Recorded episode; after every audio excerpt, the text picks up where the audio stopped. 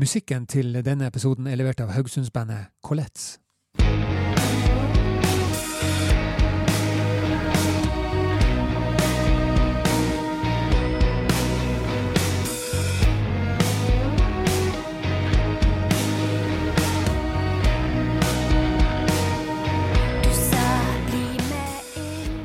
Nå, nå vet vi hva kompetanse sånn sett er for noe, men hva er kompetansenivået?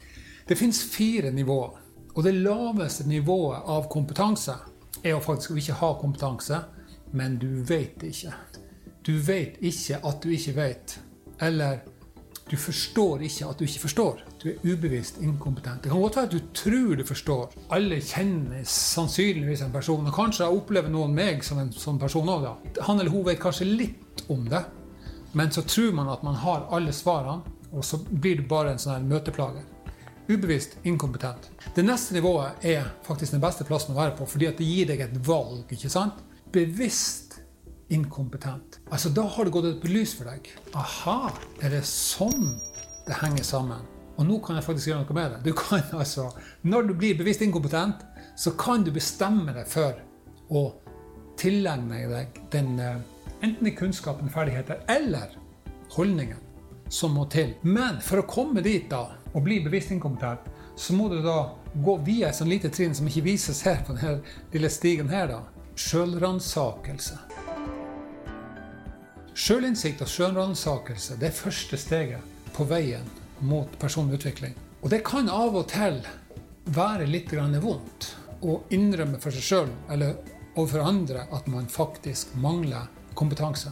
Og så er det kanskje at man, man, man, har en slags, man skaper seg en slags fasade, og så gjemmer man seg bak det for å skjule for andre eventuelt da, at man ikke har den kompetansen som man nødvendigvis da kanskje burde ha. Men det å komme opp hit og være bevisst inkompetent gir deg et fantastisk, fantastisk valg, fordi at du kan velge å gå på neste nivå, som er å bli bevisst kompetent. Da har du evnene, ja. Men du har også kunnskapen og ferdigheten og holdningen. Men eh, du er nødt til å konsentrere deg for å bruke dem. Du er nødt til å eh, ha bevissthet rundt det at ok, nå må jeg huske på å gjøre de riktige tingene. Men, men du gjør det fordi at du har disse reminderne. Da. Du har et system, eller du har en mentor, eller har, har noen som hjelper deg på veien. Det øverste nivået er å være ubevisst kompetent. Da bruker du evnene, kunnskapen, ferdighetene og har noen supre holdninger. Og det gjør du uten å tenke over det, fordi at du har automatisert alle disse tingene her. Du har automatisert den måten å tenke på. Du har en sånn sinnssyk motivasjon som, som bare driver deg framover.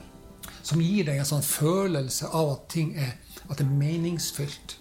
Hvis man lurer på hvor man er hen i denne stigen her, beste måten å finne det ut på, er altså å spørre noen man virkelig stoler på. At man får et, et svar som kommer fra hjertet, med tanke om å bevisst hjelpe deg videre. Det er ikke all kritikk som er like hyggelig å få. Det er ikke alle som er like flinke til å gi tilbakemeldinger. og sånt da. Og da, da, kjenner, da, kan jeg kjenne at det er litt sånn sårt å få en sånn tilbakemelding. Uh, mens andre er jævlig flinke på å både ordlegge seg og formulere, og, og, og de er gode på tilbakemeldinger. Så det å få tilbakemeldinger fra noen er kjempeviktig for å skape en slags bevissthet om hvor er jeg her på, på den stigen her. Uh, i, forhold, I forhold til da, hva man ønsker å oppnå, hva slags resultat man ønsker. Hvis du har fire minutter og sju sekunder til over, så går du på YouTube og så ser du denne episoden en gang til, så får du med deg alle detaljene.